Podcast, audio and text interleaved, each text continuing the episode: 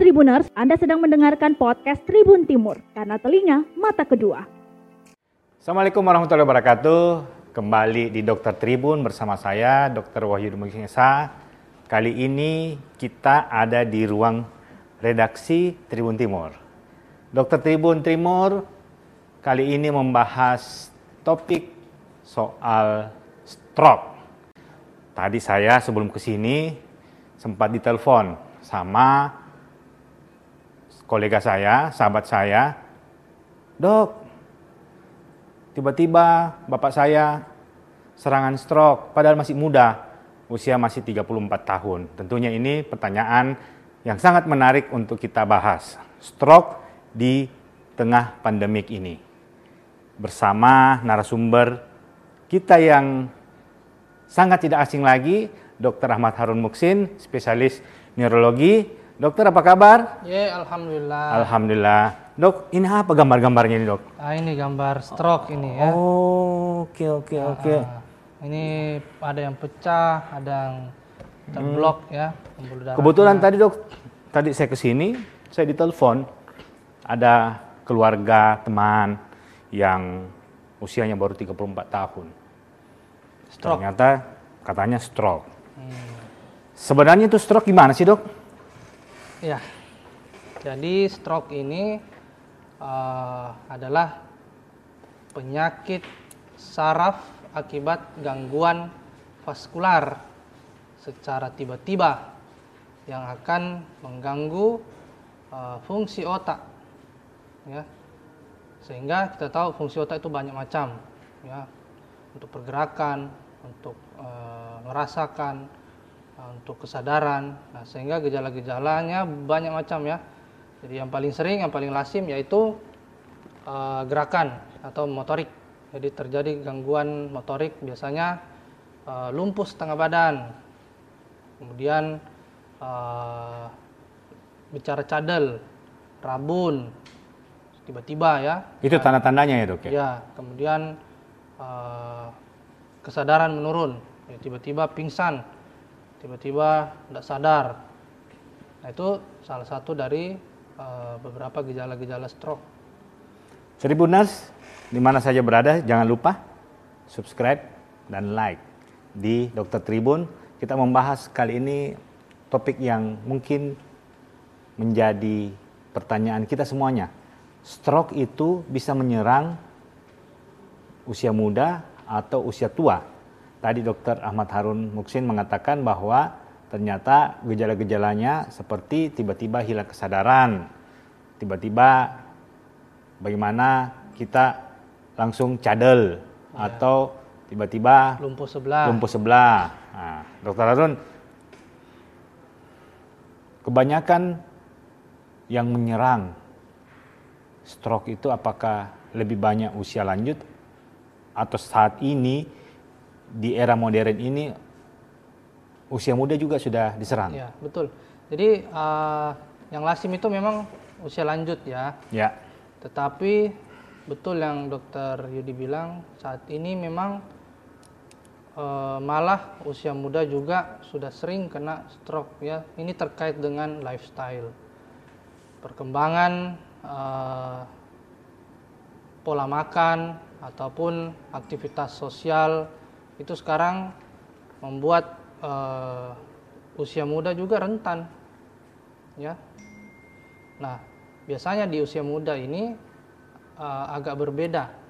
Umpamanya Eh, makanan usia muda modelnya. ini sekarang kan fast food, Ya. junk food. Nah, jadi jadi kan begini, stroke ini eh, biasanya adalah eh, kumpulan dari beberapa faktor eh, atau penyakit penyerta ya, misalnya ada atau faktor risiko ya. Jadi faktor risikonya ada misalnya merokok ya, kemudian eh, kadar lemak yang tinggi.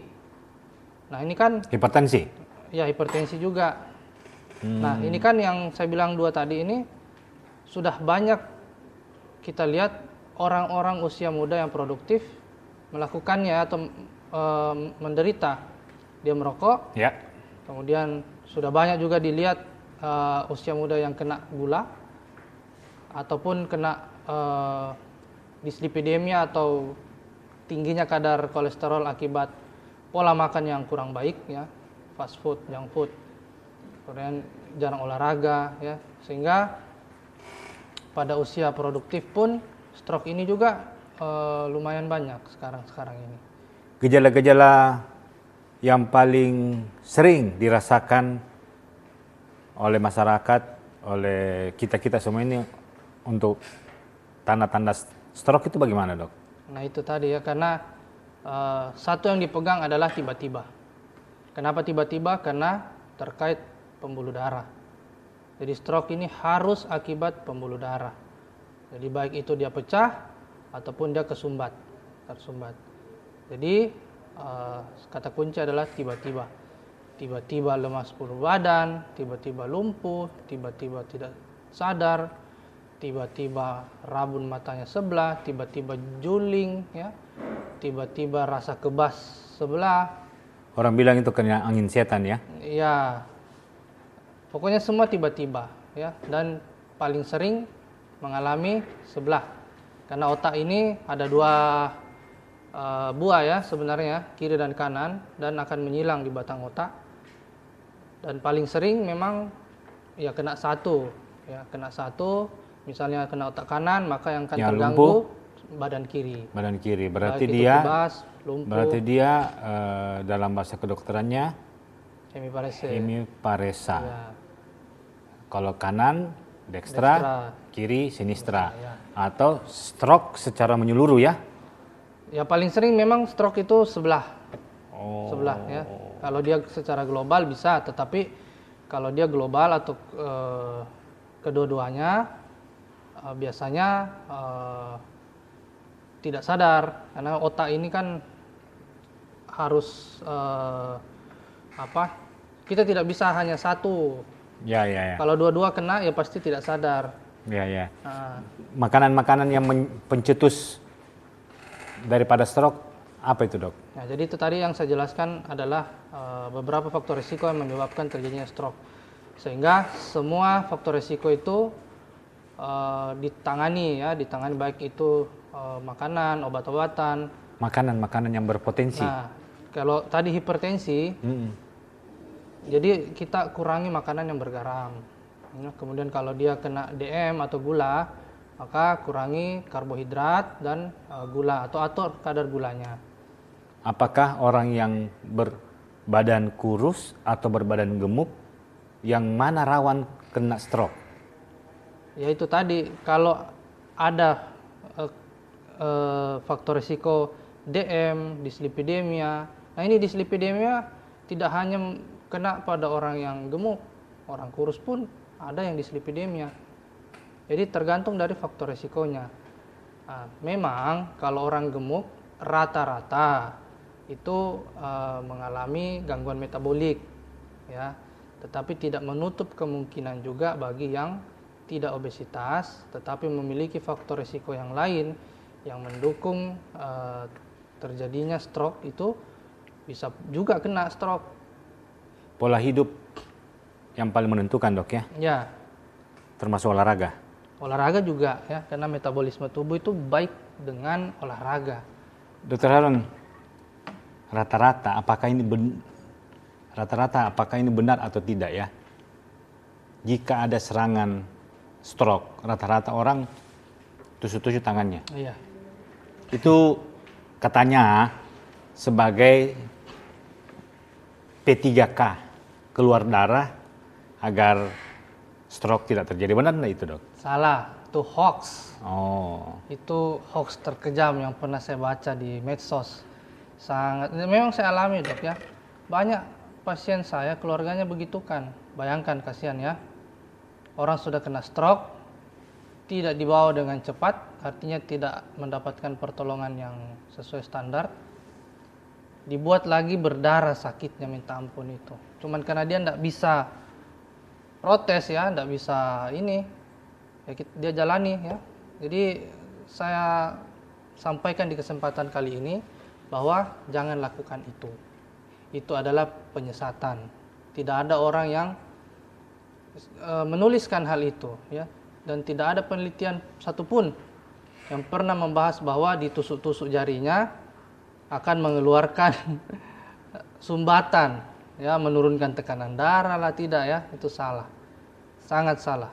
Silakan dicari sendiri di penelitian-penelitian silakan tidak akan anda dapatkan. Malah itu akan membuat penanganan menjadi lambat yang tadinya harus segera dibawa ke rumah sakit. Ketika kita melihat anggota keluarga kita ada yang memiliki gejala-gejala stroke. Karena secepatnya maka akan dilakukan tata laksana yang akan membuat keluarga kita ini terhindar dari uh, stroke itu sendiri ya. Jadi kalau dalam 3 sampai 6 jam kita mampu membawa keluarga kita ke rumah sakit, maka dokter akan melakukan uh, tindakan yang lebih uh, tepat dan cepat untuk agar sumbatan ini bisa uh, diperbaiki ya, diloloskan kembali. Ya, tentu sesuai dengan kan, uh, kriteria-kriterianya. Jadi menusuk-nusuk itu selain tidak ada gunanya tetapi juga memperlambat penanganan. Penanganan. Ya. Sehingga sangat merugikan sekali ini berita hoax ini. Tribuners di mana saja berada, ternyata hal-hal yang sering mungkin dilakukan di masyarakat agar melakukan P3K memberikan tusuk-tusuk atau mendarahkan tangan itu ternyata salah. Yang paling utama langsung dibawa ke rumah sakit, ditangani dengan dokter agar bisa menolong keluarga kita. Hmm. Terakhir, Dokter Harun, tips-tips sehat agar terhindar daripada stroke. Ya, jadi saya ulangi lagi bahwa stroke itu selalu ada penyebabnya.